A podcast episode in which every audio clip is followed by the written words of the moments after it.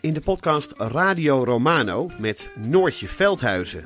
Met Marcel van Roosmalen. En met Roelof de Vries. Brengen we alle drie elke week een zogenaamde signalering mee. Wat heb jij nou weer bij je? En aan het eind bepalen we wie de winnaar van de week is. Echt een angstcultuur Lege huls die je er bent? Ja, dat gaat eigenlijk altijd onvriendelijk. Luister nu naar Radio Romano bij Podimo. Via podimo.nl slash Radio Romano luister je 30 dagen gratis. Kijk, het gesprek begon ogenschijnlijk over het onrecht dat mensen wordt aangedaan als er zo'n vernietigende recensie wordt geschreven. En wat dat met mensen doet. Ja. Daar leek het gesprek over te gaan. Maar gaandeweg, en dat is dankzij goed redactiewerk van mijn eh, redacteur destijds, blijkt dat die test niet deugt. Via podimo.nl slash gonzo luister je de eerste 30 dagen gratis naar Podimo. podimo.nl slash gonzo.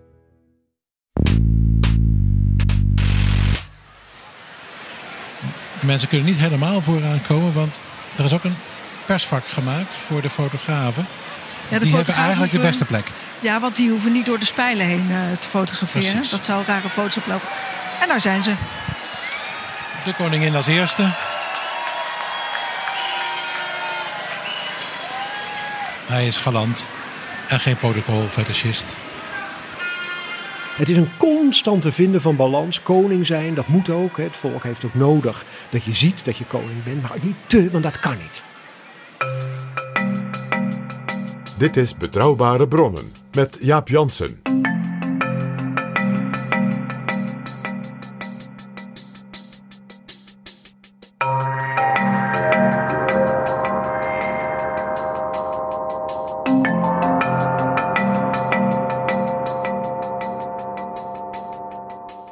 Welkom in Betrouwbare Bronnen, aflevering 214 en welkom ook PG. Dag Jaap. En ook aan het begin van deze aflevering heten wij onze nieuwe vrienden welkom. Luisteraars die ons steunen met een kleine of grote donatie. En dat zijn deze week Jeroen, Daan, Koen, Bardo, Peter, Simone en Johan. Geweldig. Je kunt nooit genoeg vrienden hebben. En denk jij nu, ik krijg zoveel prachtverhalen en interessante interviews zomaar voor niets van Jaap en PG, dat ik er eigenlijk best wat voor over heb, zodat ze ermee doorgaan. Steun ons dan ook met een donatie. Ga naar vriendvandeshow.nl slash bb. Dit is Betrouwbare Bronnen. In deze aflevering, ter gelegenheid van Prinsjesdag 2021, hebben we een gast. Hij was ook al bij ons in Betrouwbare Bronnen, aflevering 8. Toen over de stevige band van het Nederlandse en het Britse Koningshuis. Welkom in Betrouwbare Bronnen, Paul Rem. Dag Jaap, dag PG. Dag Paul. Paul, we hebben je uitgenodigd omdat er gisteren een boek van jouw hand is verschenen. Haagse Huizen van Oranje. 256 pagina's over de roemrijke geschiedenis van de vorstelijke verblijven en hun bewoners in Den Haag en naast de omgeving. Een boek met prachtige foto's en beschrijvingen van alle huizen en paleizen en van de mensen die er woonden en werkten. Uitgegeven door Walburg Pers. We gaan het dus niet hebben, Paul, over Paleis Soesdijk, waarop je afgestudeerd bent. En ook niet over Paleis het Loo, waar je conservator bent. En ik heb een vraag voordat we echt beginnen met eh, jouw verhaal en met de verhalen die PG ook kent over wat er allemaal in Den Haag gebeurde rondom het Hof en al die vorsten. Toen ik opgroeide was Den Haag eigenlijk helemaal niet zo'n koninklijke stad. Juliana die resideerde op Soestdijk, Beatrix op Drakenstein. Waarom woonden de koningin en de toenmalige kroonprinses niet in Den Haag? Ja, dat is een beetje een historische eh, vergissing eh, gebleken. Maar ehm, eh, prinses Juliana en prins Bernhard zijn natuurlijk vlak voor de oorlog getrouwd. En zijn toen gaan wonen eh, in een paleis van koningin Wilhelmina, de moeder van Juliana. Eh, een klein deel werd, werd, werd, werd verbouwd tot woning. En daar moet het zo prettig voor ze geweest zijn, voor dit jonge stel. Dat toen na de oorlog ze weer terugkeerden daarna, ze graag die draad misschien weer wilden oppakken. En toen de koningin inderdaad koningin werd, Juliana in 48, toen besloot ze om niet alleen daar te blijven wonen. Het is een kroonprinselijk zomerverblijf, maar dat dat kroonprinselijke vakantieverblijf eh, ook eh, het Witte Huis van Nederland werd. En daarmee werd in feite Den Haag eh, verlaten. De Hofstad werd geen Hofstad meer. En het Paleis Noordeinde die historische rol moet vervullen, zoals het nu ook vervult, als eh, de koninklijke residentie bij uitstek. Ja, die, dat, dat stond leeg. En vandaar dat Paul van Vliet, jij noemt hem ook in je boek, er op een gegeven moment in een liedje over zong. Den Haag met je lege paleizen. Den Haag waar de westenwind speelt. Den Haag waar de wijzen in slansdienst vergrijzen en waar op de zolders couperus vergeelt. Den Haag met je standen en rangen. Den Haag met je geur van een Indisch pension. Je kan je karakter in één woordje vangen. In dat iets wat voorzichtige, tikkeltje schichtige, altijd gewichtige woordje pardon. Dat was Paul van Vliet, bevriend ook met Beatrix destijds al. PG, we kunnen het in dit gesprek eigenlijk. Ja, er zijn zoveel dingen waar we het over kunnen hebben. Er zijn wel We kunnen, we kunnen een aflevering van een uur of vijf, zes met Paul moeiteloos vullen. Maar jij hebt een idee. Eh, jij wil dit gesprek in drieën opdelen. Welke drie delen gaan we behandelen? Ik wou drie tijdvakken behandelen waarin de, zeg maar, de verbinding tussen de Oranjes en Den Haag eh, ook in sterk politieke zin, want dat hoort ook een beetje bij onze podcast, eh, laat ik zeggen, het meest intens was. Dat is de periode zeg maar, van Willem van Oranje en zijn zonen. Dus het experiment Oranje in een republiek. Niemand wist toen natuurlijk waar dat op zou uitlopen. Dan de periode wat ik maar noem Oranje na Napoleon. Dan is het ineens een koninkrijk hè, met de Belgen. En dan heb je drie koningen achter elkaar. Willem I, Willem II, Willem III. En het bijzondere is, hen verbindt het huis Romanov van Rusland. Ja, En, het, derde blok, Ja, dat is eigenlijk het blok wat iedereen zich wel enigszins voor de geest kan halen. dat is het, zeg maar, wat ik noem de vrouwen van de 20e eeuw. Want het bijzondere van Nederland is dat wij natuurlijk in de, eigenlijk de hele 20e eeuw, en dat begon al aan het eind van de 19e, eh, geregeerd zijn door vrouwen. Namelijk koningin regentes Emma, Wilhelmina, 50 jaar lang, Juliana en Beatrix. Paul, als we beginnen bij Willem van Oranje en zijn zoons. Eh, Willem van Oranje, die woonde zelf ook niet in Den Haag. Hij woonde in Delft, waar, waar hij vermoord is. Wat iedereen ook wel uit de geschiedenisboekjes weet. Waarom was dat? Waarom zat hij in Delft? Eh, Delft had eh, al eeuwenlang een prinsenhof. Eh, er is, het is niet zeker of het prinsenhof ook echt zijn bezit was. Of het een soort stadhoudelijk paleis was. Het kan ook gewoon het, het mooiste hotel zijn geweest namens de stad. Vanwege de stad voor hoge bezoekers. En dat was Willem van Oranje natuurlijk. Willem van Oranje die woonde eigenlijk gewoon in Breda. In het kasteel van Breda. Wat het Hollandse stamslot is zou je kunnen zeggen. Van de Oranjes en de Nassaus. Maar ja, je hebt veel zaken te doen in Den Haag. En Delft wil nog wel eens dicht bij Den Haag liggen. Ja, Den Haag dat is natuurlijk een onbetekenend dorpje in, in, een duinpan met een, met, een, met een duinvijver. En daar is langzamerhand een complex ontstaan waaruit de, eh, de noordelijke Nederlanden zijn geregeerd. Hè, toen, toen we nog niet op onszelf waren als land, als een soort van natie, was dat al een centrum van de macht. Ja. Daar zit een raad van state en dergelijke. Ja, en Willem van Oranje als stadhouder had nogal eens wat te bespreken in Den Haag. En dan eh, kon je je rijtuig eh, voor laten komen. En dan ging je van, eh, van het Prinsenhof in Delft naar Ja, Den. Haag. Maar hij had dus geen woning in Den Haag. Nee, zo belangrijk was Den Haag niet. Maar als je nou per se voor het donker eh, onderdak wilde hebben, dan was er wel een klein appartement in eh, het Binnenhofcomplex. Want daar zat de stadhouder. En de stadhouder, ja, eh, een, een heel bekend woord eh, in Nederland. Maar wat is het nou precies? Nou, niemand weet dat ook precies. Maar een stadhouder is in feite, eh, lees de Bijbel erop na, eh, de plaatsvervanger van de vorst. De vorst kan niet overal zijn. Maar Een soort minister-president. ja, of een, of een onderkoning. En echt, echt een, een soort mini-vorst die namens de vorst ergens is.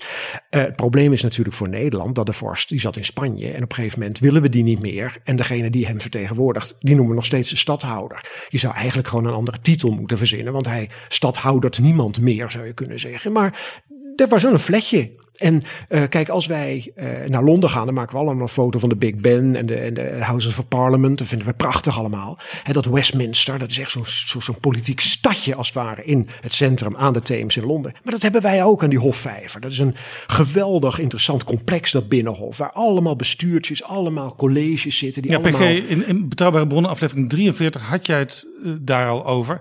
Jij liet zien eh, dat er inderdaad tijdperken waren dat het Binnenhof zelfs een soort Washington DC van Europa was. Ja, de, de bijna 50 jaar dat graaf Albrecht van Beieren, let op, van Beieren, resideerde in Den Haag, want dat was zijn favoriete jachtpaleis. Was hij, hij was een superpower baas.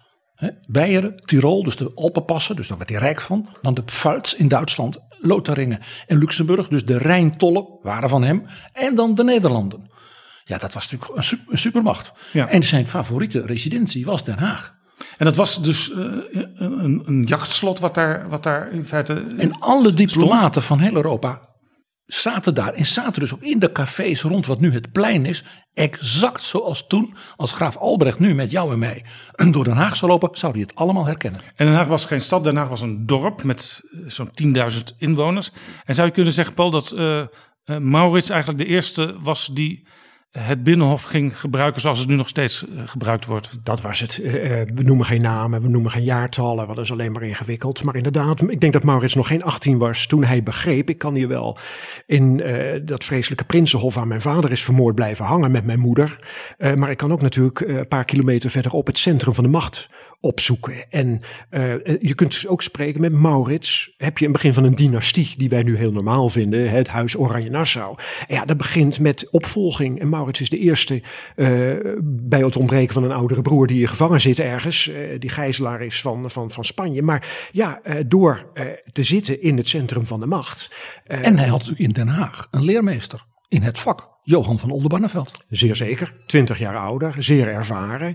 Eh, en, en dat wordt een, eh, een ontzettend fijn succesduo van Oldenbarneveld. Natuurlijk de grote politieke machthebber. Heel slim, eh, echt de, de, de vormer van ons land als, als zelfstandige natie zou je kunnen En zeggen. de langste regeerder in onze geschiedenis. Nota bene. En dan Maurits, het hoofd eh, van het militaire aspect. En dat is natuurlijk heel erg belangrijk als je je onafhankelijkheid moet bevechten. En dat is een succesduo Ja, van. Oldenbarneveld overigens, los van liberale voorvader als Thorbecke en eh, Pieter Kort van der Linden voor de huidige premier Mark Rutte ook een groot voorbeeld, heeft hij gezegd, eh, bij het zoeken naar de beenderen eh, van Oldenbarneveld op het Binnenhof. Eh, eh, Mark Rutte zegt altijd: voor mij als historicus en politicus eh, op één in Nederland Ja, met afstand Oldenbarneveld. En natuurlijk voor hem als liberaal op twee, heel begrijpelijk, Torbekke. Maar het is dus interessant dat hij dus heel natuurlijk Torbekke niet op één zet. Hij zet er is er één nog veel belangrijker en ook grootser in zijn prestaties.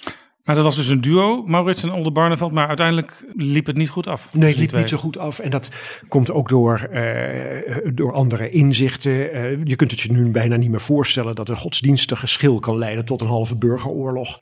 En dat bijvoorbeeld, ja, eh, de, de een zit in het ene kamp, de andere zit in het andere kamp. De een voelt zich bedreigd door de ander. De een noemt de andere een landverrader. En dan is maar net op welk moment strategisch je toehapt en toe, toe iemand ja, aangeeft. En op gegeven moment is het Maurits geweest die, die heeft gezegd van ik noem, ik, jij bent een landverrader. En dat moet berecht worden. En eh, dat is een hele dolle rechtszaak geworden met eh, de onthoofding eh, van, van Oldenbarneveld op het Binnenhof notabene. Het hele hof van Maurits stond boven op de balustrade van de Mauritstoren toe te kijken. Dat is een prachtige prent die ook in mijn boek staat. Waarbij je dat ziet. Waarbij je denkt nou vergrootglas. En ik hoop dat ik Maurits herken. Dat is niet gelukt maar dat zou zomaar kunnen. En dan zie je dat twee vrienden twee grote tegenstanders kunnen, kunnen worden. Ja, dus we doen dus eigenlijk bijna een soort opera-achtig drama tussen een vader en een zoon. Die als het ware als duo een enorm succes zijn. En dat eigenlijk de zoon, de jonge vent, eh, zeg maar, vader dat een- gezag van die man niet langer kan velen. Ja, je noemt de Mauritstoren. Als ik op het Binnenhof sta met mijn gezicht naar de ingang van de Eerste Kamer, eh, dan zie ik links de Mauritstoren. Dat is de hoek eigenlijk van dat gebouw. En daar was ook zijn slaapkamer bijvoorbeeld. Daar was ook zijn slaapkamer. Daar ongeveer daar bevond ook dat zogenaamde flatje, dat appartementje voor een stadhouder in Den Haag. Dus Maurits gaat daar eerst zitten en denkt van ja, drie kamers vind ik wel erg weinig. Dus hij bouwt die toren op een braak een stukje braakliggend terrein, precies op die hoek bij, eh, bij het Buitenhof en de Hofvijver. Dat wordt eh, eigenlijk een van onze eerste mooie renaissance bouwwerken. De gelijkma er is niks aan, er is niks aan te zien. Maar de gelijkmatigheid en het bekronen ervan door een balustrade, dat werd toen als heel erg Italiaans eh, en renaissancistisch gezien. En ja, hij zit daar en hij heeft een mooie slaapkamer en hij kan daar een klein beetje ontvangen. Maar Maurits is een militaire man. Maurits, er is geen bal aan. Dat is een saaie kerel met een paar kerels om zich heen. En het is pas de volgende generatie, hè, Frederik Hendrik, eh, zijn jongere broer, die getrouwd is met een Amalia van Soms. Ook een nieuwkomer, maar het zijn vaak de nieuwkomers in dit geval die zeggen van eh, jij moet eens wat leuks doen. Hè, we moeten eh, die dynastie, die dynastie die jij begonnen bent, die moeten we uitbouwen tot een echte dynastie. die zich kan meten met een Europees hof. En daar laten we daar eens aan beginnen. En dat is dus ontstaan vanuit dat binnenhof. Dat hele simpele binnenhof, wat een conglomeraat is van allemaal pandjes aan elkaar vastgegroeid. Uh, ja, is, is er iets groots ontstaan. Maar de kabinetsformatieruimtes, al nou, decennia, decennia, zijn in feite dus die vroegere ontvangstzalen, slaapkamers van Maurits. Ja, dat klopt. Omdat uh, dat weet je ook, uh, PG. Je staat voor het binnenhof en je denkt: wat is het hier woekeren met de ruimte? Ik bedoel, iedereen heeft altijd ruimte nodig op het binnenhof om bij elkaar te komen. En het is net een barbapapa. De vorm kan constant weer uh, veranderen van wie het belangrijkste is op welk moment. En als bijvoorbeeld wij uh, zeggen van nou stadhouders van Oranje, we hebben jullie even niet nodig. Dan zie je dat die vertrekken van de Oranjes meteen worden ingepikt door de Staten-Generaal. Uh, door van allerlei colleges die er lekker zich gaan nestelen. komen de Oranjes weer terug, dan moeten die meteen ook weer verdwijnen. Oh, de Oranjes komen weer en hebben de kamers weer nodig. Dat is een constant op elkaar reageren. Als ik me goed herinner, is 2010 de laatste keer geweest dat de kabinetsformatie in die Maurits-toren plaatsgreep. Maar laten we even een klein zijsprongetje maken naar andere plekken waar de kabinetsformatie ook plaatsvindt. Want schuin tegenover die Maurits-toren uh, ligt de stadhouderskamer, waar we nu de afgelopen weken steeds ook informateur Hamer en informateur Cenk Willink en informateur Remkes hebben gezien. En in jouw boek moest ik even denken, want het ging daar over het Brabants kabinet. En toen dacht ik van ja, maar hij heeft het er eigenlijk over wat we nu de stadhouderskamer noemen. Ja, dat klopt. Uh, dagelijks uh, zie ik op de krant, in de krant kleurenfoto's ook vaak van ontmoetingen in dat kabinet. En dan ben ik natuurlijk zwaar ontroerd, want dat is een van de belangrijke vertrekken, privévertrekken ook, van prins Willem V, de laatste stadhouder die er ook echt gewoond heeft. Want het Binnenhof wordt dus een soort ja, koninklijk paleis aan van la lettre. Het, wordt een soort, het is de ambtswoning van de, van, van de stadhouder ook. Stadhouderskamer is dus vanuit het nu een, een logische naam, maar jij noemt het consequent het Brabants kabinet. Waarom? Uh, omdat het zo heette. Dus uh, dan weten we ook om welke kamer het gaat. Uh, in, een koninklijk... Want hij had zijn huis verdeeld in, in, naar de landstreken. nee, dat niet precies. Nee, dat niet precies. Maar zoals een, een rode salon, nog eeuwenrode salon kan heten in een paleis, ondanks dat het groen is geworden. Je weet maar wat er bedoeld wordt met een bepaald vertrek. En dat is in de vleugel die Willem V heeft laten bouwen en het helemaal liet inrichten, state of the art, Lodewijk de 16e stijl. En het is bij toeval en, uh, en, en, zeer gelukkig dat dat vertrek, de betimmeringen, de, de, de, de gobelins allemaal bewaard zijn gebleven. En in de collectie van Paleis het Loo, daar zijn de armstoelen nog. En uh, daarom ben ik zo zwaar ontroerd als ik iedere keer die foto zie. Dan denk ik, dus ja, eigenlijk moet jij die stoelen afstaan aan Mariette Hamer als zij daar dus vergadert. Nee, ik, ben, uh, ik, ik, ik denk dat het beter is dat ik de betimmeringen en de wandtapijten krijg en bij mijn armstoelen voeg. En jij denkt waarschijnlijk ook als conservator, het is maar goed... Dat ze er niet op zitten. Dat er een rookverbod is voor Johan Remkes, dat hij naar buiten moet, want dat tast dan die spullen niet zo aan. Uh, overigens een eindje verder in Den Haag, op Kneuterdijk nummer 6... Daar heb je wat jij beschrijft als het paleis van prins Alexander. Uh, dat kennen wij als het Johan de Withuis. In deze kabinetsformatie 2021 is die heel even gebruikt. Tot nu toe in de formatie van 2017 werd hij veel is, vaker gebruikt. Dat is met die fietsenkelder. Dat is met die fietsenkelder inderdaad waar... Uh, Ploemen en Klaver naar buiten kwamen. Dus de prins had een fiets. Prins Alexander zal zeker een fiets hebben gehad trouwens. Het was toen de prins daar ging wonen. Het is de, het is de laatste zoon van koning Willem III. En uit zijn eerste huwelijk met uh, koningin Sophie, vergeet u dat vooral. Maar het is wel de bedoeling geweest dat deze prins koning, Willem, koning Alexander de eerste van Nederland zou worden. Uh, hij zou zijn vader moeten opvolgen, maar hij stierf uh, voortijdig. hij is daar gaan wonen en toen, ja het is natuurlijk Johan de Wit. Tuurlijk, Johan de Wit heeft het een paar jaar in de 17e eeuw gehuurd. En daardoor noemen we het het Johan de Wit huis. Hij is er ook niet niet ver vandaan op het zootje, is hij natuurlijk vermoord met zijn broer Cornelis. En het gehavende lijk is daarna naar het Johan de Withuis, naar het woonhuis gebracht om van daaruit begraven te worden. Zo netjes waren ze wel dat ze dat, ja, wel naar ja, zijn huis brachten. Ja, ze belden nog aan en het, het kon naar binnen en daarna. Ja, behalve zijn penis, want die ligt in het Haagse Historisch Museum. En, en prins Alexander die kon uh, rekenen in uh, de jaren 1880 op een, op een, op een prachtig huis met, met de nieuwste snufjes op technisch gebied, verwarming, stromend water en dergelijke. Ontzettend charmant uh, paleis nog steeds van binnen. Het is niet voor niks een, waardige ontvangstruimte voor, uh, voor de regering. Ja, dan is naast de Mauritstoren, de Stadhouderskamer en het Johan de Withuis uh, nog een vierde kabinetsformatieplek. En dat is een plek die de kijkers thuis nog niet echt gezien hebben, want die gaat waarschijnlijk pas aan het eind van deze week echt in gebruik genomen worden door Johan Remkes. Dat is wat jij noemt in je boek het paleis aan het plein, eh, plein 23. En de meeste eh, mensen uit de wat modernere tijd die kennen het als het logement van de stad Amsterdam. Of Eh, ook wel het ministerie van Buitenlandse Zaken. ja, het is ook het ministerie van Buitenlandse Zaken geweest. En als je de donkere dagen van onze geschiedenis ook nog erbij neemt, het is ook de, de plek geweest waar eh Sijs Inkwart, eigenlijk als de stadhouder van Adolf Hitler in Nederland, de boel regeerde. Het is een, een, een huis, een 17e eeuws ontwerp, wat voor die tijd extreme moderne bouwkunst was. Zeg maar het Rem Koolhaas ontwerp van de Gouden Eeuw. En eh, er zijn weinig plekken in Den Haag met zoveel en zo'n accidentvolle geschiedenis als dat gebouw. Ja, het zijn in feite ook twee gebouwen naast elkaar die aan elkaar geklonken zijn. Eh, ik zei, kijkers thuis kennen het nog niet. Ze kennen het misschien wel al van eh, parlementaire enquêtes. Want er is aan de achterkant eh, van het gebouw is een enquêtezaal gebouwd die er heel modernistisch uitziet. Maar ja, ook, ook dat hoort een beetje bij het aan elkaar bouwen van al die gebouwen, denk ik. Ja, en dat heeft ermee te maken, denk ik ook, dat het een van de weinige gebouwen is in Den Haag die zo alleureus eruit zien. Je staat ervoor en je denkt, wow, dit is niet meer eh, zomaar het dorpse Den Haag. Eh, hier, werd, eh, hier werd geld tentoongespreid. En Amsterdam was natuurlijk een machtige handelsstad. Dus je ziet een waanzinnig stadspaleis dat in Berlijn niet had misstaan, bij wijze van spreken. De En dat is burgemeesters van Amsterdam van die tijd, de familie Bikker, die zeiden: de familie Bikker is de baas in Amsterdam. Amsterdam is de baas in Holland. Holland is de baas in de Republiek. De Republiek is de meester van de wereldzeeën. De familie Bikker is de meester van de wereld. En dat, dat balt zich allemaal samen dus in, in, dat- zo'n pand. En daardoor krijg je dat om de zeven jaar. En ook in de koninklijke periode. Hè, dan was het weer het paleis van de pas teruggekeerde moeder van koning Willem I. Eh, dan wordt het weer eh, haar kleindochter prinses Marianne. Eh, is die eruit? Eh, dan, dan later koning Willem III. En echt zo'n doorgeefpaleis. En Ja. dat, is, dat heeft zich dus voortgezet. Ja, dat gebruik. ik las ook iets in je boek en ik dacht dat is misschien ook wel een idee voor de kabinetsformatie. In 1845 is er in de balzaal een gekostumeerd feest gehouden met 600 personen.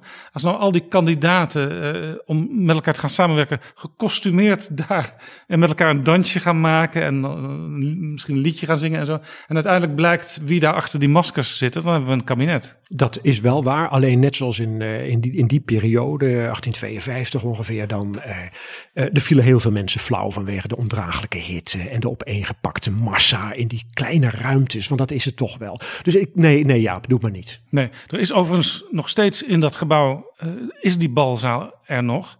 Eh, en daar vlakbij zitten de Jan Terlouwzaal, eh de Goeman Borgesiuszaal en de Pim Fortuynzaal. Ja. Dat is dan echt alle dagen bal.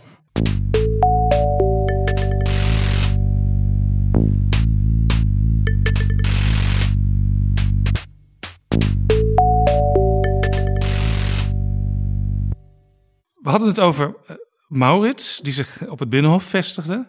En jij noemde al, Paul, de naam Amalia van Solms. Wie is zij? Amalia van Solms is, als je naar de geschiedenis van de Oranjes in Den Haag kijkt, misschien wel de belangrijkste van het hele stel. Amalia van Solms was een Duitse gravin, Gräfin von Braunfels. Zij was de dochter van de oudste zoon van de zus van Willem van Oranje. Dus Frederik Hendrik, haar man. En zij waren, ze hebben achterneef en achternicht. En haar moeder, en dat maakt het echt interessant, want dan kom je de allerhoogste Duitse adel. Niet zo eens haar vader, dus zelfs dus niet die Nassau-kant. Haar moeder was een Sein-Wittgenstein. En dat is het allerchicste Duitse adel tot de dag van vandaag. Nog? Ja, tot de dag van vandaag. En zij was een hofdame van Elisabeth Stuart. Dan denk je, een Engelse prinses, ja. Maar die was getrouwd met de keurvorst van de Pfalz. En de keurvorst van de Pfalz werd gekozen tot koning van Bohemen. Een protestant. En de katholieke Habsburgers die daarvoor Bohemen hadden hebben met een inval. Toen dat bewind verjaagd in 1620. En toen is dus die koning van Bohemen als protestant met zijn Engelse vrouw gevlucht naar Den Haag. Want ook zij waren familie van Maurits en Frederik Hendrik. En die Engelse prinses had een hofdame bij zich. En dat was die Gräfin von Braunfels, Amalia. En Frederik Hendrik had een oogje op haar. En Maurits heeft gezegd, jij moet haar trouwen. Want jij moet mij misschien wel opvolgen. Ik ben eh, misschien niet meer zo gezond. En jij moet getrouwd zijn, want er moeten kinderen komen, want anders dan gaan we geen dynastie hebben. Dus Maurits heeft gezegd, totdat jij haar getrouwd hebt, ga ik geen opvolging tekenen. Dus heeft ze gewoon onder druk gezet. Die Amalia was dus een zeer protestantse en zeer politieke vrouw. Want als jij de hofdame bent van die Engelse prinses, hè, die die rebellie tegen de Habsburgers deed, dan is het ook meteen oorlog in Europa. Sterker nog, dit was het begin van de gruwelijke, bloedige 30-jarige oorlog. Na de Tweede Wereldoorlog de grootste ramp in de Duitse geschiedenis. Zij blijft dus met die Elisabeth Stuart in Den Haag wonen. En trouwt Frederik Hendrik. En Amalia, dat was een vrouw met ambitie en met stijl. Die was dus echt, die was bohemen gewend. Die was dat vals gewend en niet dat Nederland. Je kunt, je kunt dus zeggen, er kwam iemand binnen. Nou, zij heeft bijvoorbeeld gezegd dat oude hof hier in Den Haag. Wat is dat voor een dump? Dat kun je je niet vertonen. Dat kennen wij nu als Paleis Noordeinde. Dat is haar actie. Ook helemaal in die stijl van toen. Dus die klassicistische grandeurstijl. En Paul, als ik jouw boek goed lees, dan zijn dat eigenlijk, als je het architectonisch goed bekijkt, twee paleizen tegen elkaar. Althans, ze hebben eh, de voor- en de achterkant zijn eigenlijk allebei twee voorkanten. Ja, dat klopt. Ja. En dat is vooral in de 19e eeuw uh, zo op deze manier uh, heel pregnant uh, naar voren gekomen. Het bestond al een beetje, maar toen, in de tijd van koning Willem I in de 19e eeuw, toen is het pas goed gebeurd. Want wij, loopt... wij, zien natuurlijk altijd die wuifscène op Prinsjesdag ja, ja. aan, de, aan, de, aan de straatkant. Aan ja, de, aan de, gewoon met je tassen winkel, vlees in de arm, dan, dan, dan, dan zie je inderdaad zomaar een paleis. En aan de achterkant heb je de tuin. En daar heb je ook het bordes uh, waar in 2017 uh, het derde kabinet Rutte poseerde. Ja. Ja, ja dat, is, dat, is, dat is veel meer een koninklijk paleis zoals wij vinden dat een koninklijk paleis eruit zou moeten zien. Als je dat, uh, als je dat weghaalt en je plaatst het in, in, in België, in Brussel. Dan denk ik ja, ook tuurlijk het paleis van de koning. Uh, en, en dat had Willem I dus ook. Het is heel wonderlijk, die twee paleizen tegen elkaar aangebouwd. Maar je moet er even voor naar de prinsessentuin. Ja, en die voorkant is dus waarschijnlijk ook uh, wat je heel Hollands zou kunnen noemen, gewoon in een winkelstraat de ingang van een paleis. Dat komt er. Kijk, het bestond al. Het bestond al. Het gebouw bestond. Het was een gebouw uh, dat de Oranjes hebben gekregen en hebben verbouwd. En dat is natuurlijk ook het punt. de Oranjes bouwen niet zoveel. Het wordt heel vaak al gebruik gemaakt van bestaande huizen die al groot genoeg zijn. En die worden op een gegeven moment misschien eens afgebroken of wat dan ook. Maar het is vaak al geënt op oude fundamenten van, van huizen, van stadspaleizen, van, van, van zeer belangrijke patriciërs. En dat geeft meteen ook een klein beetje aan hoe weinig het Oranjehof in de 17e, 16e, 17e, 18e eeuw, hoe, hoe weinig boven zij, zij boven uh, de, de, de hogere aristocratie zweven. Dat zit Komt waarschijnlijk ook voort uit het feit dat we eigenlijk begonnen zijn als republiek en daarna klopt, weer klopt. Uh, de functie in feite uitgeleend hebben aan de Oranjes. Ja, een prins Willem III in de 17e eeuw, die had nooit, die heeft nooit kunnen zijn wat de koning van Frankrijk, hè? De, de zeer christelijke koning, de, de grote rooms-katholieke machthebber, die zijn paleis in natuursteen kan bouwen. Willem III kon dat ook doen, die had zo in Den Haag een heel groot natuurstenen paleis kunnen bouwen, hij had eigen steengroeves bijvoorbeeld, maar dat kon niet, je moest onder de korenmaat, want je was als stadhouder, dat was Willem III, was je in dienst van de Staten-Generaal. Je was slechts de hoogste officier van de regering en niks meer. Je bent geen koning bij de gratie gods, je bent helemaal niks. En daarom dat die Amalia van Solms dus zo interessant is. Want zij was met Frederik Hendrik ook weer zo'n succesduo. Hij als militair en zij als vrouw, ik zeg maar van design. Die bouwde het Hof van Solms in Oorschot. Ze bouwde kasteel Buren, werd mooi gedaan. En haar grote ding, het Huis ten Bos. En dat was een voorbeeld van een compleet nieuw, eigentijds, hypermodern architectonisch ontwerp. Ja, en dat kan alleen als je je goed laat adviseren. Dat deed zij. Ze kende Jacob van Kampen goed. Nou, dat is natuurlijk de bouwmeester die we allemaal kennen van het Paleis op de Dam. Nou, dat is nogal forse barok, nogal geprononceerd. Die kenden ze klassiekers. Het zijn allemaal jongens en allemaal vrienden die in Italië waren geweest. Dat was nooit eerder voorgekomen, maar ze begrepen hoe de Romeinse klassieke bouwkunst in elkaar zat. Het was dus heel on-Hollands en daarin zie jij deze Duitse top aristocraten die kenden haar klassieken, die kenden de Grand Tour, wat hier allemaal dus in die tijd niet zo was. Nee, maar een Constantin Huygens doet mee, hè, de secretaris van haar man, die, die, eh, die dat goed, eh, goed begrijpt. En dan met z'n drieën stellen ze ook een programma samen van hoe zo'n paleis er moet uitzien. En als Frederik Hendrik dan overlijdt, dan is dat kleine huis ten Bosch niet meer dat leuke zomerpaviljoen waar je zo heerlijk champagne kunt drinken op het terras. Dan wordt dat opeens een soort mausoleum eh, ter ere van de grote heldendaden van de stedendwinger die Frederik Hendrik was. Ja. dan krijg je het meest barokke gebouw wat je ooit hebt gezien in de Nederlanden tot nu toe. Ja, jouw boek heet Haagse Huizen van Oranje. Eh, we hebben het nu vaak over paleizen. Wanneer, wanneer noem je iets een paleis? Nou, dat is inderdaad waar. Het is heel flauw van me, want ik, ik, eh, ik zeg het Haagse huizen. En dat is eigenlijk het beste, want we hebben het over behuizingen. Of hè, waar een gekroond hoofd of waar een dynastie maar woont. Maar ik, eh, ik heb ook ontdekt in de 40, ongeveer 40 behuizingen die ik dan zo'n beetje afga. Dat het soms ook een, een rijtjeshuis kan zijn waar Wilhelmina neerstrijkt voor een aantal maanden. na ja, dat was kort na de Tweede Wereldoorlog, omdat zij ook, ook weer een teken. Zij wilde ook eh, niet te ver van het gepeupel staan. eh, en dus ging ze in een, in een rijtjeshuis zitten. Maar wanneer noem je nou een gebouw een paleis? Nou, eh, het, het, het, het komt allemaal van, geloof ik, Caesar vandaan. Eh, die zei, ja, ik woon hier in het Palatium in Rome. En dat is mijn, mijn ik ben dus toch een soort van, van, van vorst. En eh, ja, en sindsdien vinden we allemaal dat wij in een palts, in een paleis, in een palace, in een palast moeten zijn. En dat, dat is onze manier om aan te geven dat we zeer vorstelijk zijn. En dat begint natuurlijk vooral wanneer je koning bent. Een zogenaamd gekroond hoofd. Dat doen we natuurlijk niet aan. Maar sinds Willem I zeggen wij toch wel een paleis. De stadhouders noemden hun behuizingen niet een paleis. Dat was een hotel. Of hè, dat vinden wij nu lekker, een hotel. Maar dat is eh, het Franse woord voor een, voor een heel mooi stads, stadsresidentie, zou je kunnen zeggen. Ja, maar Amalia van Soms had dus al Noordeinde en liet toen ook nog Huis ten Bosch bouwen. En dus ook nog paleizen in de provincie. Had zij ook meteen al het idee, eh, zoals eh, Beatrix deed en Willem-Alexander, nu een woonpaleis en een werkpaleis? Eh, dat, was, dat was het niet echt. Je, je, je, echt je, je, je werkt echt vanuit de residentie. Maar het was nou eenmaal gebruikelijk dat je de zomermaanden of de periode dat er gejaagd werd, dat je wel ook voor feesten en partijen vanuit de stad af en toe naar Rijswijk ging of Honselaarsdijk, hun andere grote paleizen in die sfeer, in die renaissance sfeer. Daar kon je heen gaan, daar kon je op en neer gaan. Ook Huis ten Bosch, dat was eh, natuurlijk, daar was je zo. En dan keerde je weer terug naar Den Haag. Je, je moet niet het centrum van de macht te veel verlaten. Dat is, uh, dat is niet goed. Waar Amalia van Soms vooral belangrijk voor is, dat zij de Franse hof gebruiken, die we later kenden van hè, de koning uh, Lodewijk XIV, de zonnekoning op Versailles, dat, dat zij, zij dat overplanten. Want Frederik Hendrik, die is opgevoed aan het hof van de Franse koning, Henri IV, Henri de, Hendrik IV. En daar, hij zag dat daar gebeuren van, je, mag, ja, je moet decorum hebben, je moet, als je een vorst bent, moet je ook je gedragen als een vorst. Dus dat betekent dat je als een vorst moet laten aanspreken. Uh, je moet iemand een stoel toewijzen, anders gaat hij maar staan. He, je moet gebruiken. Je moet, je moet protocol eten. Je moet in publiek eten, zodat iedereen kunt zien dat, uh, dat de scholletjes nog uh, heel goed smaken. Uh, zien ze dat het niet meer smaakt, dan kun je ook zien van... hé, hey, misschien is hij wel ziek en gaat hij morgen dood. He, dat zijn hele belangrijke... Je moet een openbaar leven hebben. Met, he, er zijn rangen en standen aan het hof. Wat we nog steeds hebben, protocol, etiketten. dat zijn gedrags. Mooie jurken.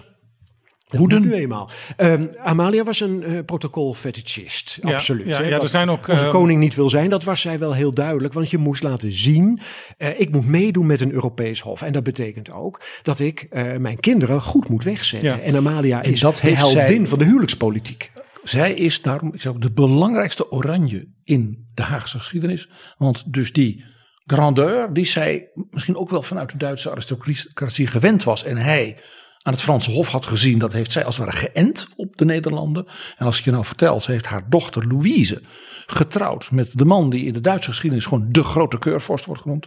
Friedrich Wilhelm van Brandenburg-Pruisen. De man die dus de staat Pruisen, die dat een enorme machtsding heeft gevestigd. De voorganger van de Duitse keizer. Juist. En de grote militaire overwinnaar, want van wie had hij dat geleerd als jongen? Van Maurits. Want hij was een vriend van Frederik Hendrik. Dus zij heeft haar dochter aan hem uitgehuwelijkd. En de grote, ja, de jackpot was dat haar zoon Willem, die dus dan de eerste van die dynastie, de kleinzoon van Willem van Oranje, die heeft ze uitgehuwelijkd aan Mary Stuart. En dan denk je, ah, zij was zelf de hofdame van een andere Mary Stuart, ze zegt haar netwerk in het Engelse Koningshuis, heeft zij gebruikt om haar zoon met de Engelse kroonprinses te laten trouwen. En haar dochter dus met de nieuwe grote jonge leider in Duitsland. Daarmee toonde ze aan dat ze dus op het diplomatieke, politieke vlak in de Superliga van Europa speelde. Een Duitse grafin von Braunfels in Den Haag. In die tijd waren al die paleizen natuurlijk persoonlijk eigendom van, van de bewoners. Tegenwoordig is Noordeinde en ook Huis ten Bosch is staatseigendom. Dat klopt, dat, uh, dat hebben we zelf gedaan.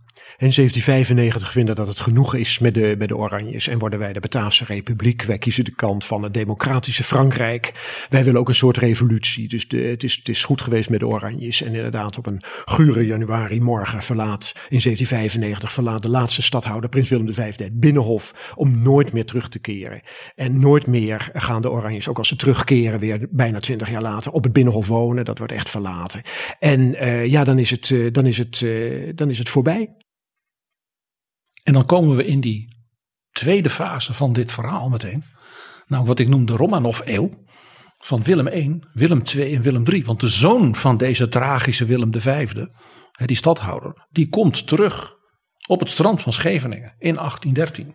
Ja, en dus... wordt soeverein vorst. Want ze wilden de naam stadhouder niet gebruiken. Maar koning wilden ze het ook niet noemen. We hebben dus te danken aan Napoleon die zijn broer Lodewijk Napoleon uh, koning maakte in Nederland, dat het sindsdien een koninkrijk is. Ja, en na, en na Louis Napoleon, Louis Napoleon Bonaparte, dus de koning Lodewijk van Holland, hebben ze dus omwille van het feit dat de Fransen dit hadden gedaan, die prins van Oranje eerst soeverein vorst genoemd. Ja. Niet koning, want koning was dus belast door de Franse imperiale pretentie. maar de paradox. Het volgt, het volgt, heel snel op elkaar. Ja, de paradox is dus dat we een Franse revolutie nodig hadden om een monarchie te worden. Ja, in feite wel. En uh, het heeft natuurlijk mee te maken dat de grote Napoleon, de grote revolutionaire generaal, zichzelf tot keizer kroont. Ja, dan moet je broer wel uh, koning van Holland worden.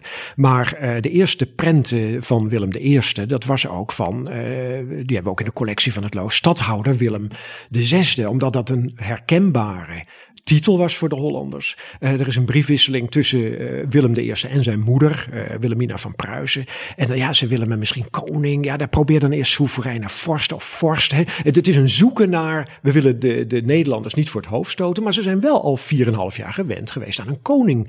En een koning, een centraal bestuur met één munt, met de, de, de kop van de vorst erop, met instituten als het Rijksmuseum en, en, enzovoort. Dus er was al een begin van een soort natie die wij ook nu kennen. Twijfelen, het was schipperen voor eh, de nieuwkomers om hun juiste positie aan de top te vinden die acceptabel was voor de burgers van Holland. Helemaal. Er is een groot diner uh, in, in het Amsterdamse paleis en de koning eet van een, van een servies.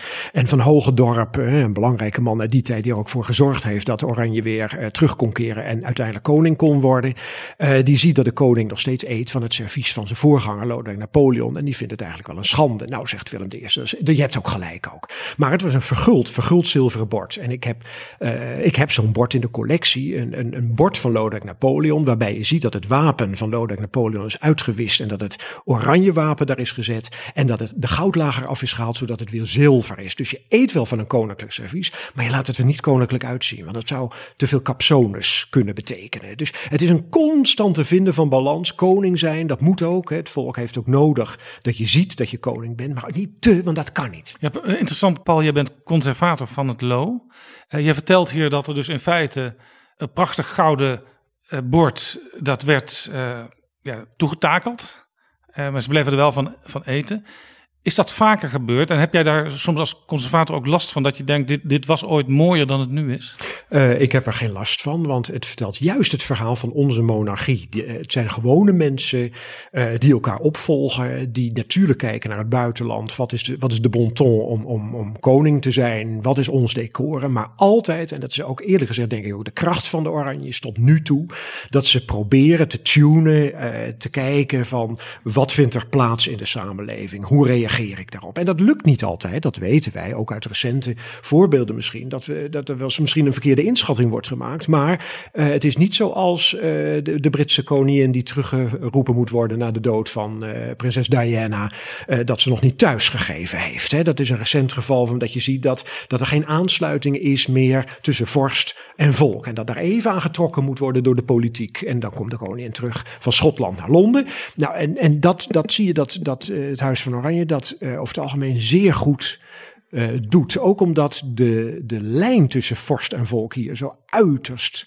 kort is. Niet dun, maar kort. Het is vrij dikke lijn, maar een korte lijn. Ja, nou ja, er wordt ook wel eens gezegd door, door critici dat je ook weer moet oppassen dat je te ver naar de andere kant door de, de, de doorslingen. Want uh, Beatrice kreeg wel eens commentaar dat ze een beetje een, een ijskonijn was voor, voor veel mensen. En Willem-Alexander die krijgt het commentaar dat hij soms weer uh, te dicht bij het volk staat. Ja, uh, de zangeres zonder naam die, die zong het altijd, heelt alle wonden. Ik bedoel, het, we hebben tijd nodig. Want inderdaad, de kritiek op koningin Beatrix.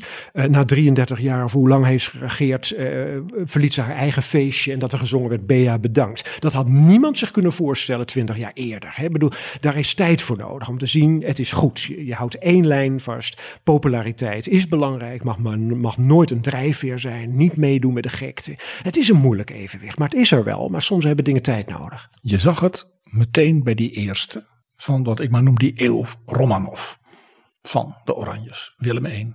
Willem I die schipperde, zoals jij ook zegt. Hij zat dus in Paleis Noordeinde. Dat werd ineens toen het politiek centrum. Daar werkte hij ook. Hij werkte ongelooflijk hard. 15, 16 uur per dag in een afgesleten uniform.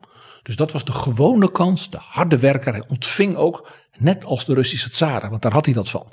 Gewone mensen op, en dan hield hij jour, ja, zoals dat heet. Op de woensdag. Mochten mensen zomaar komen, op woensdag. Ja. Maar hij huwde zijn zoon dus wel uit aan de kleindochter van Catharina de Grote van Rusland. Er is niet meer grandeur dan dat in de Europese geschiedenis.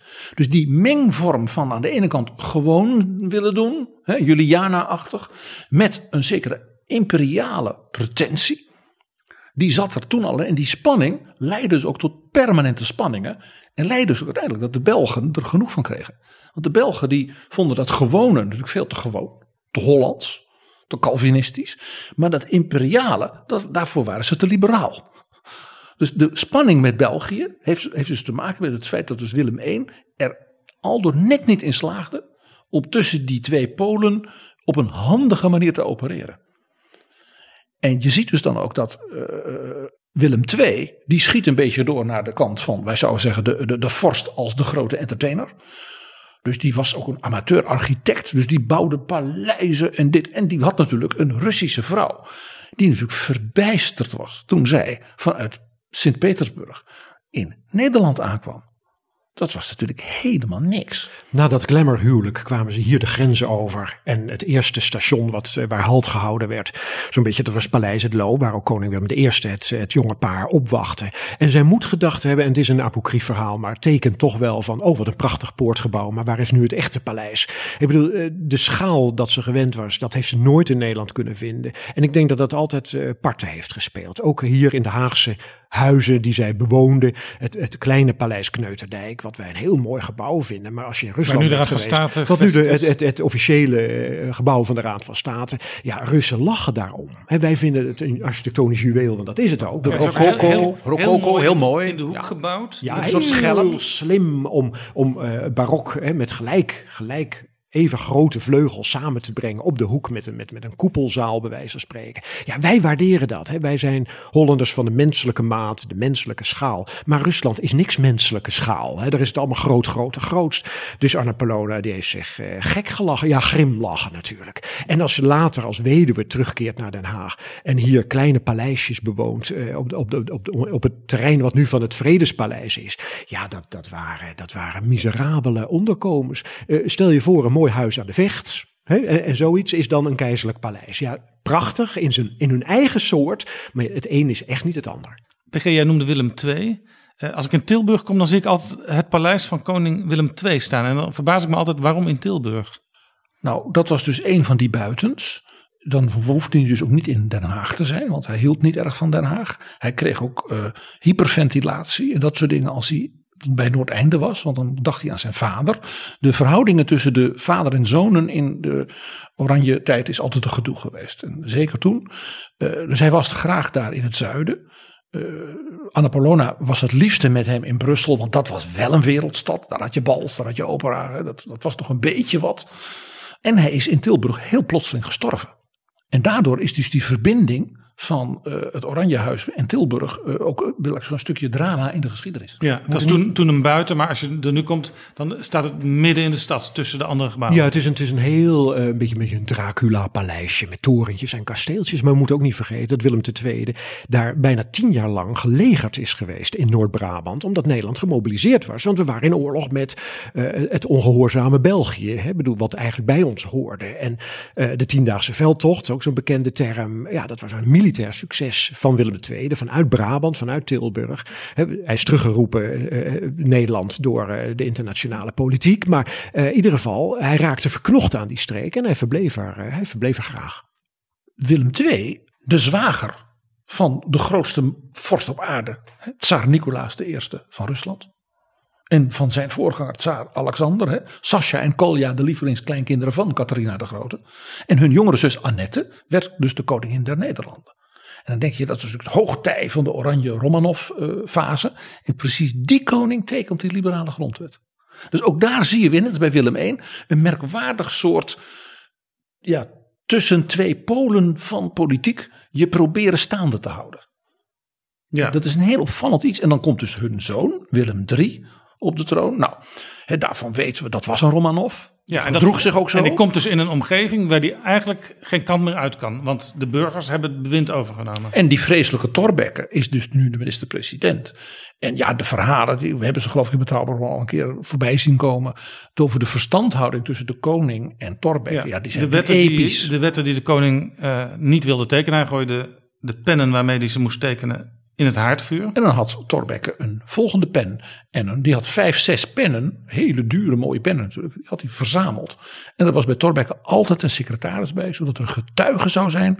Als het tot een enquête of zo zou leiden. Zo erg was. Dus hield al rekening met de wet openbaar bestuur. Dit het toen nog helemaal niet was. De, de koning Gorilla Willem III was op zijn manier probabel. Heren, ik, ik, ik kan heel veel lelijks van koning Willem III hebben. En dat is waarschijnlijk allemaal terecht. Maar we moeten ook niet vergeten dat hij in feite de eerste oranje is. Die volledig is opgeleid om een koning te worden. Toen hij geboren werd, waren we net een monarchie. Dit was de geboren prins van Oranje slash aanstaande koning. En dan kom je eindelijk zover dat je koning kan worden omdat je vader overlijdt. En dan blijkt hij een paar maanden daarvoor getekend te hebben dat je de ministers niet meer jouw dienaren zijn, maar die, die in feite de macht in handen hebben. En dat jij, uh, nou ja, bijna, bijna ceremonieel koning bent. Dat en dat je neven in Sint-Petersburg je uitlachen dat je dat pikt. Je bent de risée van Europa. En, en dat is natuurlijk niet gemakkelijk, gecombineerd met een niet gemakkelijk uh, karakter. Ja, dat, uh, dat leidt tot vervelende zaken. En dan kun je maar beter terugtrekken op, op Paleis het Loo, uh, ja. in de luwte. Even PG, ik hoor hier de term koning gorilla vallen. Waar komt die vandaan, die naam? die komt uit de satirische pers van die tijd. Laat ik zeggen, iedereen wist dat dat wel klopte. Dat was een beest. En een beest dat zich gekooid voelde. Ja, en had ook nog een vreselijk huwelijk. Hij was getrouwd met de prinses Sophie van Württemberg. En dat was een zeer intelligente vrouw. Die schreef brieven met schrijvers en filosofen. En was bevriend met de keizerin van Frankrijk. En, en daar kreeg ze de oude jurken van, want hij gaf haar geen kleedgeld. Nou, het is een film.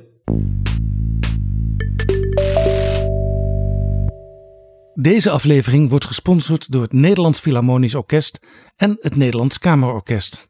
Geniet dit najaar van de mooiste klassieke muziek in het Concertgebouw in Amsterdam. En de hoogtepunten zijn werken als Fratres van Arvo Pärt, het Magnificat van Johann Sebastian Bach en het prachtige ballet De Vuurvogel van Stravinsky. Ga naar het Nederlands Philharmonisch Orkest en naar het Nederlands Kamerorkest. Nu 15% korting op de prijs van 39 euro. En dat Nederlands Philharmonisch Orkest doet dat in een hele mooie serie van het concertgebouw. En die heet Grootse en Symfonische Concerten. En het Nederlands Kamerorkest persoonlijke en intieme concerten. En ja, ja, mijn hart gaat harder kloppen, dat snap je. Want het Nederlands Philharmonisch Orkest is ook nog het vaste orkest van de Nationale Opera. En dit seizoen extra goed opletten. begint hun nieuwe chef-dirigent. Die treedt nu aan. Dat is de 31-jarige Lorenzo Viotti. En dat is een supertalent. Die heeft al stage gelopen bij de allergrootste dirigenten in de wereld. 15% korting op alle najaarsconcerten van het Nederlands Philharmonisch Orkest en het Nederlands Kamerorkest in het Concertgebouw in Amsterdam via orkest.nl/slash betrouwbare bronnen. Nog een keer Jaap, zodat iedereen gaat. 15% korting via orkest.nl/slash betrouwbare bronnen. je kunt het ook vinden in de beschrijving van deze podcast. Ah, heerlijk Jaap. Jij vindt alles mooi hè, PG, maar waar ga je zeker naartoe? Nou, iedere opera-liefhebber kijkt uit naar aanstaande april want dan gaat Viotti zijn orkest dirigeren in een nieuwe productie van Tosca van Puccini. En ze hebben Malin Bieström bereid gevonden naar Amsterdam te komen voor de hoofdrol. De, de, grote rol van Maria Callas. En zij was een geweldige Salome van Richard Strauss een tijd geleden. Dus dat belooft heel veel. Misschien gaan we samen. 15% korting via orkest.nl slash betrouwbare bronnen. Visi d'amore.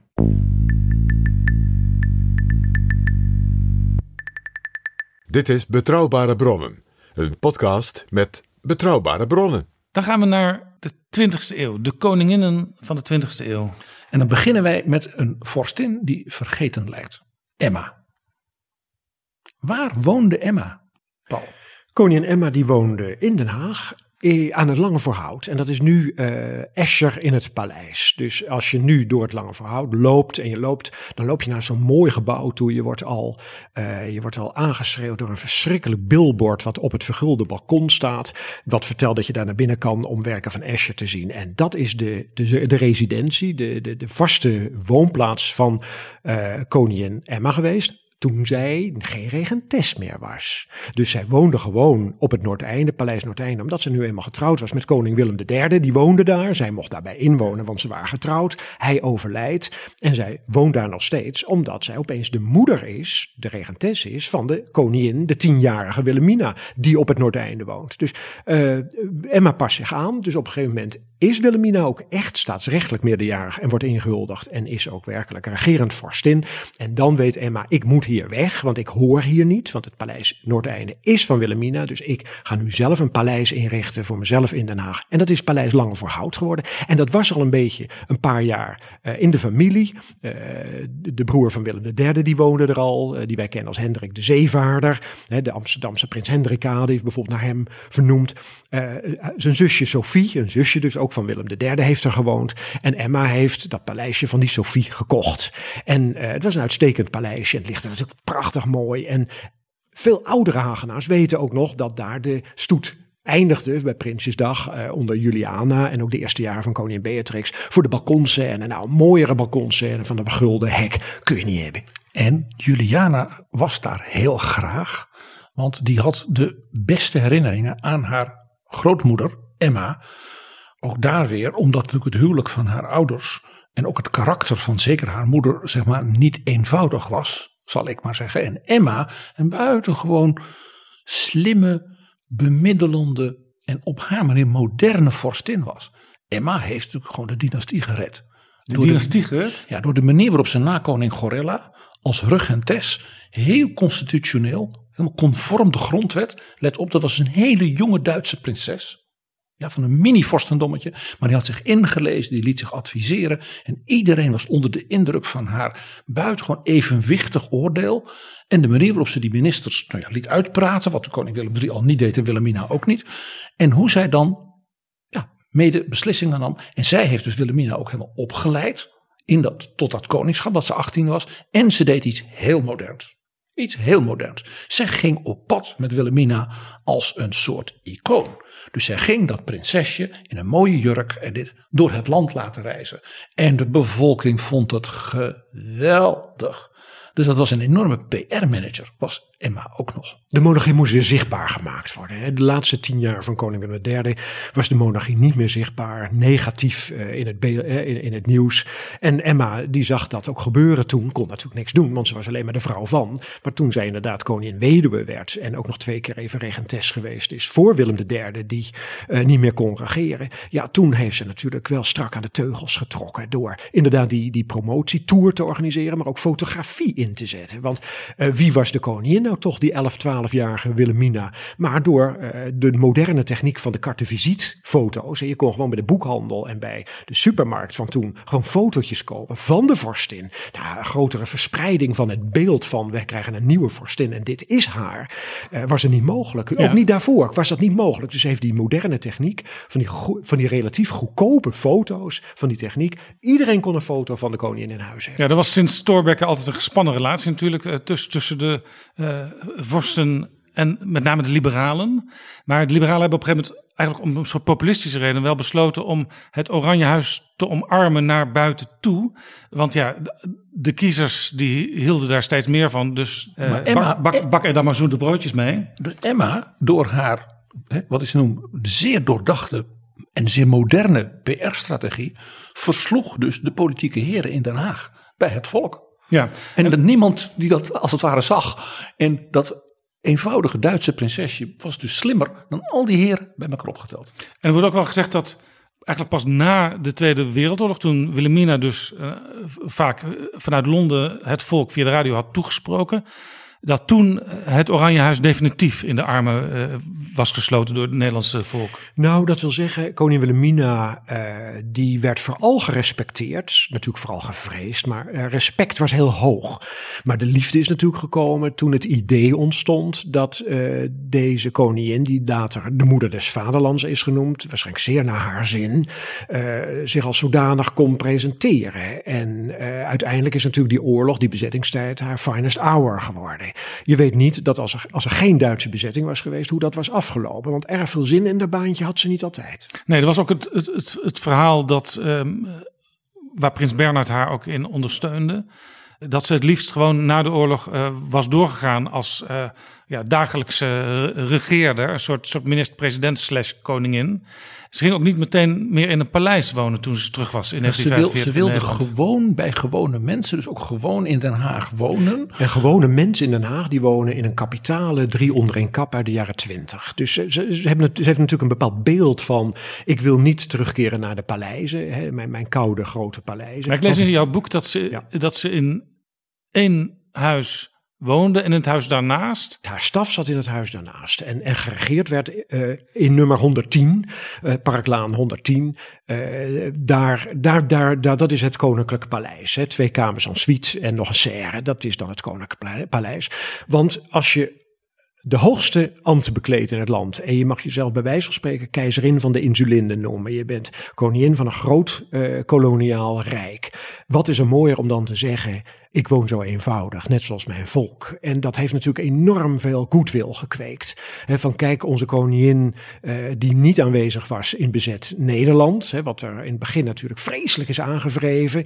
Uh, nee, het was geen vlucht. Nou, ieder geval, ze ging toch maar mooi naar Londen. Hè? Dat, dat dachten de Nederlanders. Nu kwam ze terug om het lot te delen van de schaarste die er was. Heel veel Nederlanders, behagenaars hadden geen woning meer. Eh, nog in hetzelfde jaar als zij hier eh, de Parklaan 110 ging bewonen, was er het bombardement geweest op de Bezuidenhout, waar heel veel Hagenaars getroffen zijn, woning, woningen hebben verloren.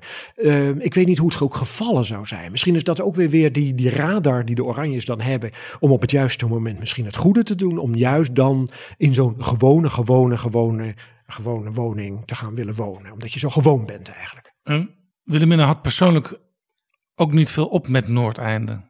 Nou, ze had niet zoveel keus, want dat was gewoon het dynastieke paleis eh, waar koning Willem I nu eenmaal regeerde. En elke koning regeert daar, dus zij ook. Ze was er ook geboren. Uh, en ze was er op 10 mei 1940 bijna gevangen genomen door de uh, SS-troepen ja, die allemaal een kaart bij, uh, bij zich hadden hoe de kortste weg was naar het Noordeinde om haar gevangen te nemen. Maar het was een vrij hol groot paleis. De familietuin was een kleine ommuurde tuin. Uh, dus dat was niet zo. Maar ze had niet. Ze heeft wel eens gezegd van hadden ze het maar gebombardeerd. Dat was een schande geweest als dat ook was uitgevoerd. Want het is een paleis van ons allemaal. Het is een staatspaleis. Koningin Wilhelmina had dat niet eens mogen opperen. Het is niet van haar. Haar dochter Juliana, die ging zoals jij al eerder vertelde, blijvend zich vestigen in Soesdijk. En als ze dan in Den Haag was, dan ging ze dus naar dat paleisje van haar zo innig geliefde grootmoeder Emma. En daar moeten we toch weer, net als onlangs met Cenk Willink, natuurlijk premier Pieter de Jong weer met ere noemen. Want die zei tegen de koningin: Als u daar nou elke maandag bent, dan kom ik u bijpraten. En dan had zij dus een mooie smoes om al op zondag bij die prins Bernhard weg te moeten in Soesdijk. En dan kon ze, op, hè, kon ze gezellig bij vrienden eh, op bezoek. En dan had ze op maandag de minister-president. Dan kon ze winkelen. En dan hoefde ze pas daarna weer terug naar Soesdijk. En Pieter Jong, die dat natuurlijk wist uit de tijd dat hij de militair assistent was van Juliana op Soesdijk in de Greet Hofmans crisis. Die heeft als premier dat dus op deze manier zo mooi geregeld. De premier die zelf zo mooi woonde in een van de bijgebouwen van Huis ten Bosch. We hadden een premier die woonde in Huis ten Bosch. In, in, in, in een koetshuis. In een, ja, de bijgebouwen, de Pieter Posthuizen zoals zij noemden. Ja. En toen de beroemde architect Pieter Post van de, uit de 17e eeuw. En toen Beatrix koningin werd, toen, toen ging ze echt weer uh, vanuit Noordeinde regeren. Ja, gelukkig, gelukkig. Romanov werd weer in ere hersteld. Uh, ik, ik, ik, het, het, wordt wel eens gezegd wat dan de essentie was in het begin van de regering van koningin Beatrix. Nou, dat was een, een lieflijke chaos van de hofhouding van uh, koningin Juliana. Die bestond uit vrienden, bevriende, oude oorlogshelden enzovoort. Iedereen deed zijn best. En maar uiteindelijk zag koningin Beatrix, die ook stage had gelopen in het buitenland. Bijvoorbeeld bij koningin Margrethe van Denemarken, die net koningin was geweest, eh, geworden in 1972. Van hoe doe jij dit? Hoe, hoe manage je een, een modern vorstelijk hof, een democratisch vorstenhof? Dus koningin Beatrix had wel een idee van hoe dat moest. En die heeft er flink de wind doorgehaald. En die heeft weer uh, Den Haag, uh, de hofstad gemaakt. En is ook echt ook weer in 81 geloof ik teruggekeerd naar Den Haag. Uh, uh, lang voor uh, de geplande inhuldiging was al begonnen met de restauratie van Paleis Noordeinde. Die sterk naar mijn idee werd teruggebracht naar het beeld van hoe het eruit zag in de tijd van koning Willem I. Echt weer een regeerkantoor zou je kunnen zeggen. Een koninklijk regeerkantoor. Ja, dat is heel belangrijk geweest voor Den Haag. het is niet meer Den Haag met je lege paleizen. Het is meer van Den Haag, je tikt er tegen. Het was, was er misschien ook angst, misschien bij Beatrix, maar misschien ook bij haar belangrijke uh, naaste adviseurs, uh, dat als het allemaal zo gewoon tussen aanhalingstekens zou blijven zoals onder Juliana, uh, dat misschien dan dat hele idee van de monarchie uiteindelijk wel zou kunnen vaporiseren. Ja, misschien. Dat zou ik niet durven zeggen. Maar we weten allemaal dat wanneer een monarchie uh, te eenvoudig wordt, dat de stap naar een, republiek niet zo groot meer is. Uiteindelijk gaat het ook om een, een, een, onderdeel magie, iets wat je moeilijk kan benoemen. Uh, als je het wel wil benoemen, kun je zeggen dat we het fijn vinden dat er continuïteit is en, en traditie, dat ons dat, dat, dat, dat fijn vinden, dat we daar een soort stabiliteit in lezen. Aan de andere kant, toen koningin Beatrix uh, dat deed, was monarchie niet in de mode. Dat weten we ook van haar inhuldiging. Dat geen woning, geen kroning. Dat klopt, wij hebben geen kroning. Dus er was ook trouwens geen woning. Maar je ziet ook dat uh, dat, dat in een periode was dat dat weer de teugels wat aanhalen. En wat meer vorstelijker uh, naar buiten treden. Dat dat heel erg was in een periode dat dat niet verlangd leek te zijn in politiek Den Haag. Dus dat, uh, dat vereist nogal wat moed. Nou ja, dat kun je de koningin, uh, koningin Beatrix niet ontzeggen natuurlijk, dat ze moed had. Maar dat wat Romanov-achtige, dat zat er ook in. Want uh, de schrijfster Yvonne Keuls maakte een tv-serie voor de regionale omroep in Den Haag over het Indië en van Den Haag. En wilde toen de kamer die de sultan geloof van Yogyakarta of zoiets, had geschonken aan Wilhelmina. Bij haar de Indische zaal op het De Indische zaal, was dat niet voor haar huwelijk met 1901, ja, ja, huwelijk. En dat wilde zij dus filmen als een, ja, een uniek element van het Indische Den Haag. Waarop Beatrix zei, oh dat gaat absoluut niet gebeuren. Dat is mijn paleis, daar komt de televisie niet binnen. Toen is Yvonne Keuls naar de rechter gegaan. En de rechter zei, ja dat is helemaal niet van Beatrix. Dat is van de Nederlandse staat. Dus mevrouw Keuls mag naar binnen heeft Beatrix haar nimmer vergeven. Zo weten wij van die hondenkeuls. En dat is toch een beetje die Russische, het is van mij. Jullie oh, zijn. Af en toe mogen burgers het paleis bekijken, hè? Dat mag, dat kon voor corona zeker eh, de laatste jaren in de zomermaanden. Uh, we weten natuurlijk dat, uh, dat Buckingham Palace, hè, datzelfde dat grote bastion in Londen van de Engelse koningin, dat daar, dat daar ook mee gebeurd is, dat dat opengelegd is, dat je de kunstcollectie van de koningin daar kunt zien. En dat het een, een Belgische koning doet dat ook in Brussel. Je kunt ook naar de serres van Laken. Ja, daar ben ik Ander, geweest in die tuinen. Die zijn, nou ja, die zijn waanzinnig mooi. En hoe aardig En het, is Koninklijk Paleis van Madrid met zijn fabelachtige Spaanse schilderkunst. Toekomst. Dus dat is een lijn, een Europese lijn. En uh, dus dat, dat, dat moest wel een keer gebeuren gewoon, ja. Ja. Maar erg van met veel, veel graagte gebeurde het niet. Nou, Zo bleek bij Yvonne Keuls. Ja, er werden ja, vorig jaar ook Kamervragen gesteld. Want vanwege corona ging dat hele binnenkijken niet door. En D66 stelde toen vragen van... Uh, wat raar dat dat niet doorgaat. Want die gangen die daar, daar zijn zo breed, daar kun je heel makkelijk met anderhalve meter afstand uh, rondlopen. Nee, wij hebben geen paleizen waar je met een uh, grote auto uh, doorheen kunt rijden. Zoals een klein Duits kasteel zomaar kan zijn. Bij ons zijn het menselijke kleine ruimtes en dat is absoluut waar. En corona was nou eenmaal, laten we wel wezen, een dingetje. En ik denk dat het ook weer snel hersteld zal worden. Ik denk dat we ook, dat het, dat we ook geholpen zijn door de, sterven, de sterfgevallen aan het begin van deze eeuw.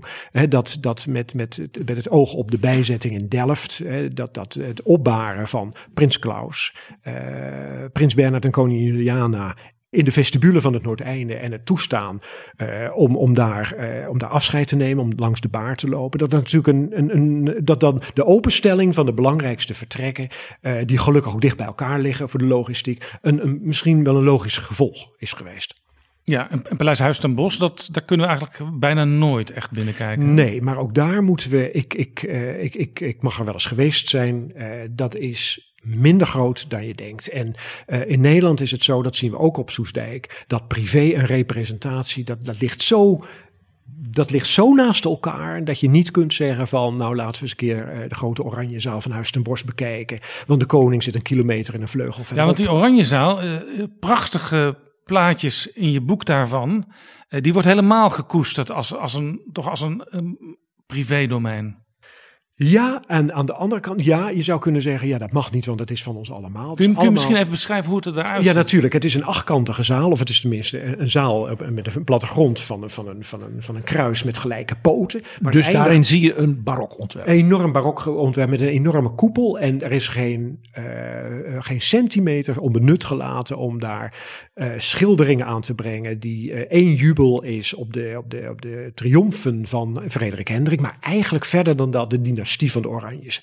En als prinses Amalia nu het tussenjaar misschien wat moeilijk gaat en die gave, uh, gave onderneming ergens in het buitenland niet helemaal lukt, in het midden van die zaal gaat liggen en ze kijkt omhoog, dan ontmoet zij haar naamgenote Amalia van Solms, die in rouwportret helemaal bovenin geschilderd is en toeziet op haar werk.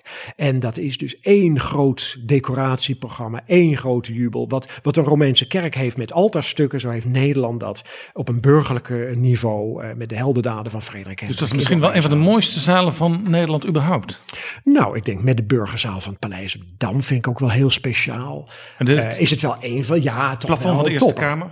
Ja, oh, zonder meer. De audiëntiezaal op Paleis uh, Het Lo. Uh, dat, dat, zijn, dat zijn belangrijke concepten waarin uh, gedachten, ideologieën, de hoogste kunstvorm bij elkaar komen. Iets waar, waar in Frankrijk al heel gemakkelijk, hè, Versailles, heel gemakkelijk. de Sint-Pieter in Rome, natuurlijk, je snapt het allemaal. Wij hebben dat ook op maar heel weinig plaatsen.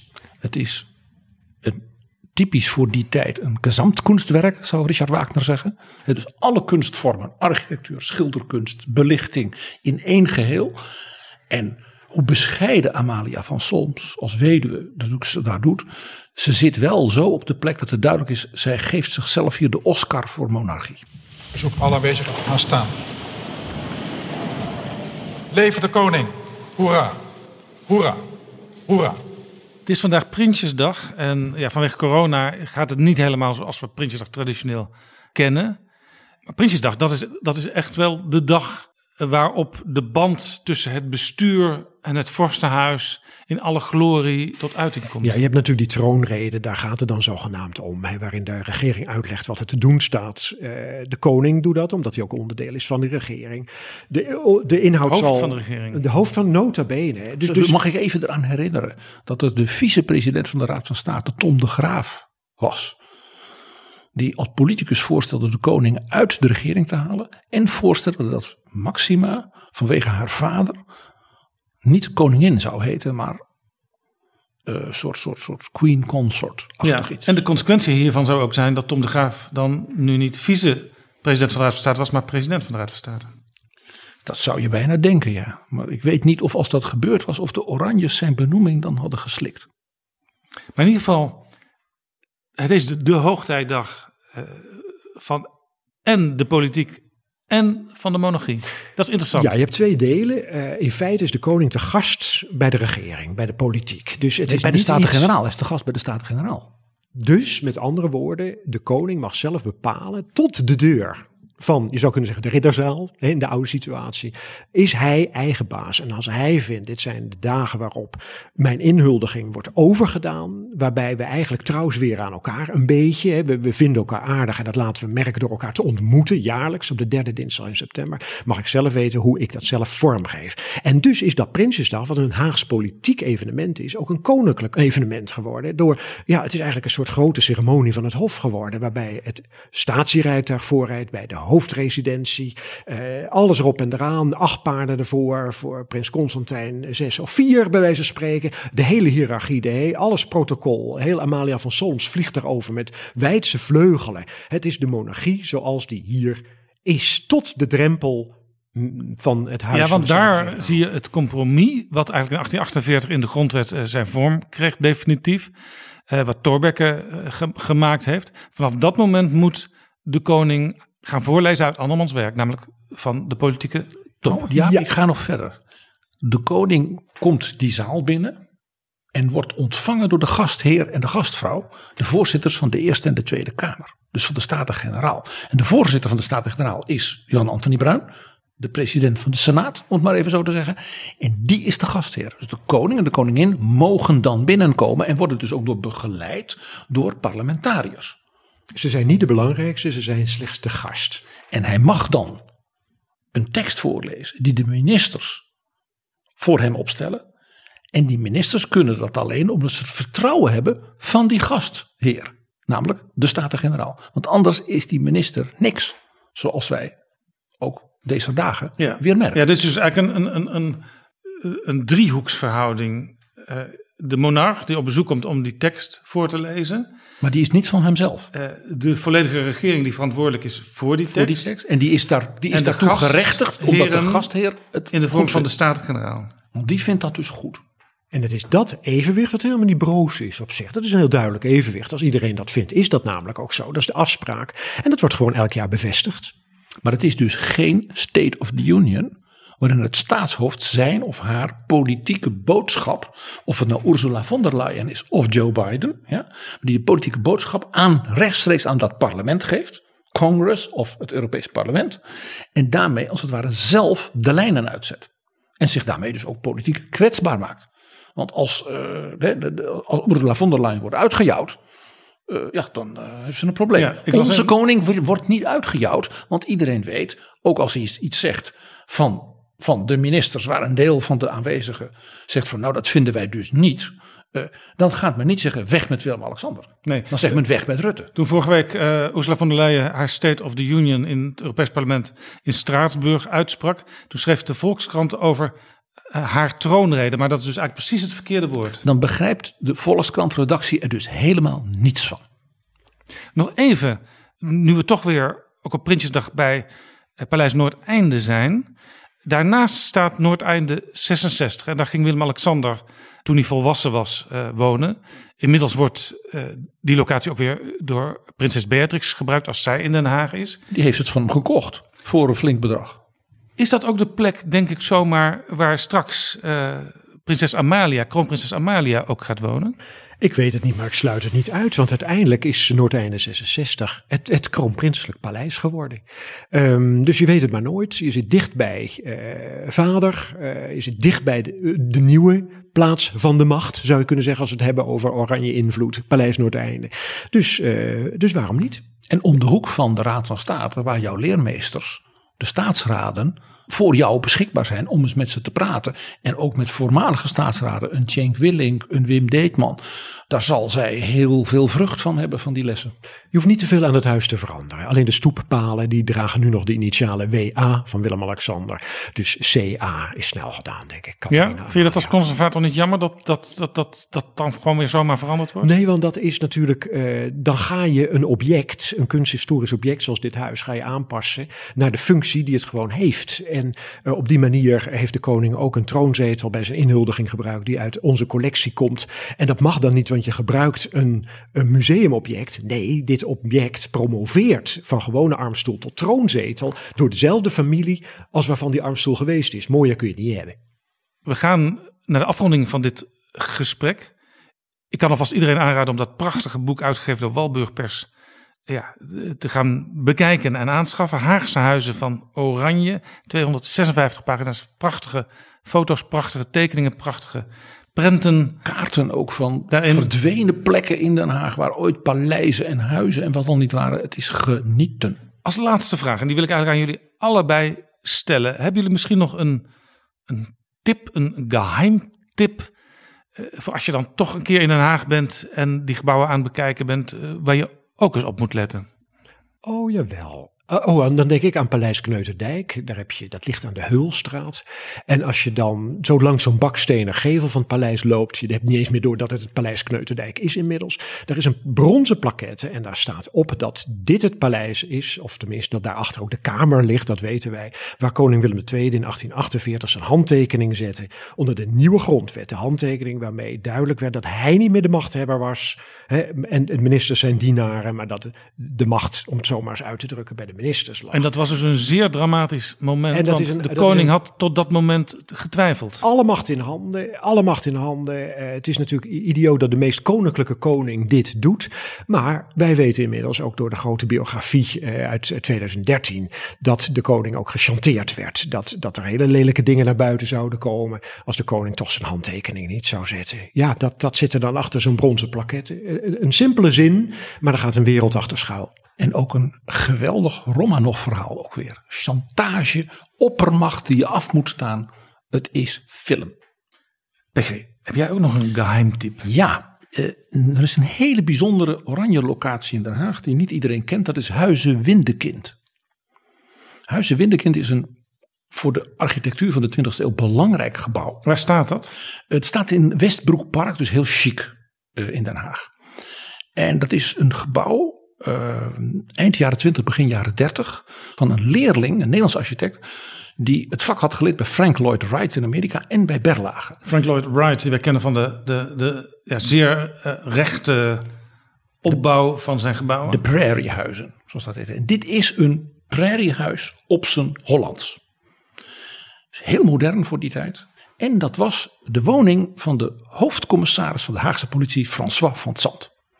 En dat was zeg maar de chef van de geheime dienst van Wilhelmina. En hij organiseerde in dat huis uh, feestjes met dames van lichte zeden, zodat prins Hendrik zich kon vermaken. En hij er dan wel nog toezicht op hield. Dus dat is een hele bijzondere oranje locatie uit de geschiedenis. Het was eigenlijk een locatie die bedoeld was zodat de prins, die vanzelfsprekend toch al zich laafde aan allerlei dingen die ja, de gewone burger niet mocht zien en eigenlijk ook de gewone burger niet waren toegestaan, eh, toch nog enigszins eh, in het gareel bleef, omdat er een soort van kader omheen zat. Ja, het huis heeft overigens in de geschiedenis daarna een verschrikkelijke rol nog gespeeld. Want het was natuurlijk de woning van de hoofdcommissaris. Het werd daarna de woning van de chef van de Gestapo en de SS in Den Haag. En in de kelders zijn vele mensen tot de dood gemarteld. Dus dat huis is uh, ja, van een grote dramatische betekenis in de geschiedenis van de stad Den Haag en eigenlijk ook wel van Nederland. Een schuldig huis. Ja, zo zou je dat inderdaad kunnen zeggen. Wat een treurnis waar we dan toch weer mee eindigen. Dankjewel, Paul Rem.